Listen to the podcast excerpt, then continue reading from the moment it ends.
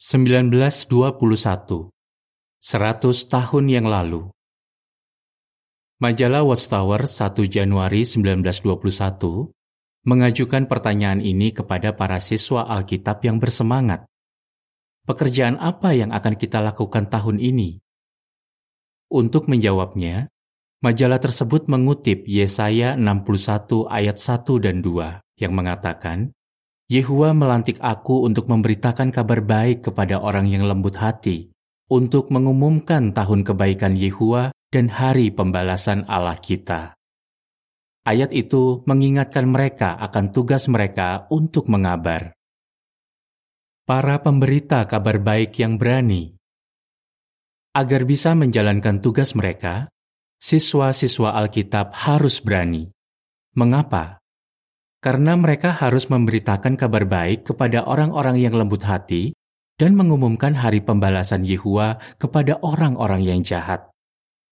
Saudara J.H. Hoskin yang tinggal di Kanada mengabar dengan berani meskipun mendapat tentangan. Pada musim semi tahun 1921, dia bertemu dengan seorang pendeta metodis. Saudara Hoskin memulai percakapan dengan mengatakan, kita bisa bertukar pikiran tentang Alkitab. Meskipun kita berbeda pendapat tentang beberapa hal, kita pasti bisa berdiskusi dengan baik-baik. Tapi kenyataannya tidak begitu. Saudara Hoskin bercerita, kami baru mengobrol beberapa menit, tapi pendeta itu sudah sangat marah. Dia memukul pintunya dengan sangat keras, sampai saya kira kaca pintu itu akan pecah. Pendeta itu berteriak, lebih baik kamu mengunjungi orang-orang yang bukan Kristen. Saudara Hoskin diam saja. Tapi sewaktu meninggalkan rumah itu, dia berpikir, dia sendiri sikapnya tidak seperti orang Kristen. Besoknya, sewaktu berkhotbah di gereja, pendeta itu menjelek-jelekkan saudara Hoskin. Saudara Hoskin mengatakan, pendeta itu memberitahu jemaatnya bahwa saya adalah penipu paling berbahaya yang pernah ada di kota itu dan harus ditembak mati. Tapi, saudara Hoskin tidak menyerah. Dia terus mengabar dan berhasil menemui banyak orang. Dia mengatakan, saya sangat menikmati pengabaran di daerah itu. Beberapa orang di sana bahkan mengatakan, saya yakin Bapak adalah hamba Allah. Mereka juga menawarkan untuk memberikan beberapa hal yang saya butuhkan. Dua program pelajaran Alkitab untuk membantu para peminat maju secara rohani, siswa-siswa Alkitab membuat dua program pelajaran Alkitab dalam majalah The Golden Age. Catatan kaki mengatakan, The Golden Age belakangan dinamai Consolation pada tahun 1937 dan Awake atau Sadarlah pada tahun 1946. Akhir catatan kaki. Dalam salah satu program itu, ada pertanyaan-pertanyaan berdasarkan Alkitab yang bisa dibahas orang tua bersama anak mereka. Para orang tua akan mengajukan pertanyaan kepada anak-anak, lalu membantu mereka menemukan jawabannya dari Alkitab. Ada pertanyaan yang sederhana, misalnya, ada berapa banyak buku di dalam Alkitab? Ada juga pertanyaan yang lebih serius, misalnya, apakah setiap orang Kristen memang akan dianiaya? Pertanyaan seperti itu membantu anak-anak muda menjadi pemberita kabar baik yang berani. Ada juga program untuk orang-orang yang sudah lebih mengenal isi Alkitab. Mereka diberi beberapa pertanyaan yang jawabannya bisa ditemukan di buku Studies in the Scriptures jilid pertama. Ribuan orang mendapat manfaat dari program-program pelajaran Alkitab tersebut. Tapi, majalah The Golden Age edisi 21 Desember 1921 mengumumkan bahwa kedua program itu akan dihentikan. Mengapa? Sebuah buku baru. Saudara-saudara yang bertanggung jawab di organisasi menyadari bahwa pelajaran Alkitab perlu dilakukan dengan lebih teratur dan sistematis. Jadi mereka merilis buku The Harp of God pada bulan November 1921. Orang-orang yang mau menerima buku itu juga akan mengikuti program pelajaran Alkitab yang bisa mereka lakukan sendiri. Program itu membantu mereka mempelajari kehendak Allah untuk memberi manusia kehidupan abadi. Bagaimana pelajarannya dilakukan? Sewaktu seseorang menerima buku itu, dia juga mendapat sebuah kartu kecil yang memberitahukan bagian yang perlu dia baca. Minggu depannya, dia akan menerima sebuah kartu lain yang berisi pertanyaan-pertanyaan tentang bahan yang sudah dia baca. Kartu itu juga memberitahukan bagian yang harus dia baca untuk dibahas minggu depannya. Selama 12 minggu, dia akan menerima kartu-kartu itu dari sidang setempat setiap minggu.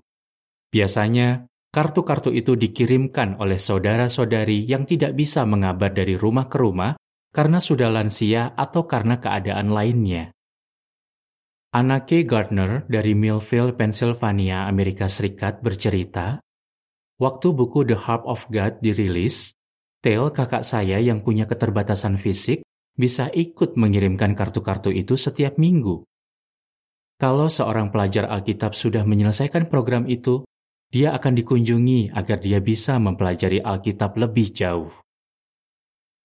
Pekerjaan yang menanti Pada akhir tahun itu, saudara J.F. Rutherford mengirimkan sebuah surat kepada semua sidang.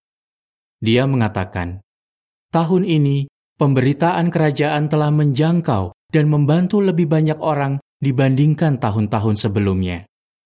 Lalu dia menambahkan, masih ada banyak pekerjaan yang harus kita lakukan. Semangatilah orang-orang lain untuk ikut melakukan pekerjaan yang luar biasa ini. Siswa-siswa Alkitab menunjukkan bahwa mereka mengikuti nasihat itu. Pada tahun 1922, mereka memberitakan kabar baik dengan berani dan lebih bersemangat lagi. Berikut ini adalah keterangan tambahan. Sahabat-sahabat yang berani, Siswa-siswa Alkitab menunjukkan kasih persaudaraan dengan membantu satu sama lain. Mereka adalah sahabat-sahabat yang berani, yang menjadi saudara saat ada kesusahan. Amsal 17 ayat 17 Mari kita perhatikan pengalaman berikut ini. Pada hari Selasa, 31 Mei 1921, kerusuhan terjadi di kota Tulsa, Oklahoma, Amerika Serikat setelah seorang pria kulit hitam dipenjarakan karena dituduh menyerang seorang wanita kulit putih. Lebih dari seribu pria kulit putih bentrok dengan sekelompok pria kulit hitam yang jumlahnya lebih sedikit. Kerusuhan itu menyebar dengan cepat ke daerah Greenwood yang kebanyakan penduduknya adalah orang kulit hitam. Di situ, lebih dari 1.400 rumah dan pertokoan dijarah dan dibakar. Menurut laporan, ada 36 orang yang meninggal. Tapi jumlah sebenarnya mungkin mencapai lebih dari 300 orang. Kerusuhan ini belakangan dikenal sebagai pembantaian ras di Tulsa. Saudara Richard J. Hill, seorang siswa Alkitab kulit hitam yang tinggal di Greenwood menceritakan apa yang terjadi. Pada malam kerusuhan itu, kami sedang berhimpun. Setelah perhimpunan selesai, kami mendengar suara-suara tembakan di pusat kota. Itu berlangsung sampai tengah malam. Rabu paginya, tanggal 1 Juni, keadaan semakin parah. Saudara Hill mengatakan, beberapa orang datang dan memberitahu kami bahwa agar kami lebih aman, kami harus segera pergi ke gedung pertemuan. Jadi, saudara Hill, istrinya, dan lima anak mereka pergi ke gedung itu. Di sana, ada sekitar 3.000 pria dan wanita kulit hitam.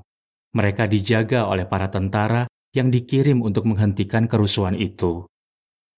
Pada saat itu, seorang saudara kulit putih yang bernama Arthur Klaus bertindak dengan berani. Dia mengatakan, Sewaktu saya mendengar bahwa orang-orang menjara dan membakar rumah-rumah di Greenwood, saya memutuskan untuk mencari tahu bagaimana keadaan sahabat saya, Saudara Hill. Waktu dia sampai di rumah Saudara Hill, dia bertemu dengan seorang pria kulit putih yang membawa senapan. Pria itu adalah tetangga dan teman dari Saudara Hill. Pria itu mengira bahwa Arthur mau membuat kerusuhan. Jadi dia berteriak, Mau apa kamu ke sini? Arthur bercerita, kalau saya salah jawab, saya pasti ditembak. Saya meyakinkan dia bahwa saya juga teman saudara Hill dan sudah sering datang ke rumahnya. Arthur dan pria itu pun berhasil melindungi rumah saudara Hill dari para penjara. Belakangan, Arthur mendengar bahwa saudara Hill dan keluarganya ada di gedung pertemuan. Arthur mendapat informasi bahwa orang kulit hitam tidak bisa meninggalkan tempat itu kecuali mendapat surat izin yang ditandatangani oleh Jenderal Barrett, pemimpin para tentara di sana. Arthur bercerita, sulit sekali menemui jenderal itu. Waktu saya memberitahu dia bahwa saya mau menjemput sebuah keluarga dari gedung pertemuan, dia bertanya, apakah kamu mau menjaga keluarga itu dan memenuhi semua kebutuhan mereka?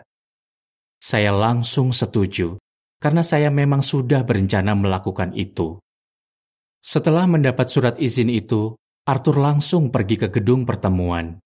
Dia menunjukkan surat tersebut kepada seorang tentara yang mengatakan, "Wah, ini benar-benar ditandatangani oleh Jenderal Barrett. Sebelum kamu, tidak ada yang bisa membawa orang keluar dari tempat ini." Setelah berhasil bertemu dengan saudara Hill dan keluarganya, Arthur mengantar mereka pulang. Arthur memastikan saudara Hill dan keluarganya tetap aman. Orang-orang kagum melihat keberanian dan kasih persaudaraan yang Arthur tunjukkan. Dia bercerita, tetangga yang ikut menjaga rumah saudara Hill jadi punya pandangan yang lebih positif terhadap umat Yehua. Dan beberapa orang tertarik untuk belajar kebenaran karena mereka melihat bahwa di antara umat Allah tidak ada yang merasa diri lebih tinggi dan tidak ada perpecahan karena perbedaan ras. Akhir artikel.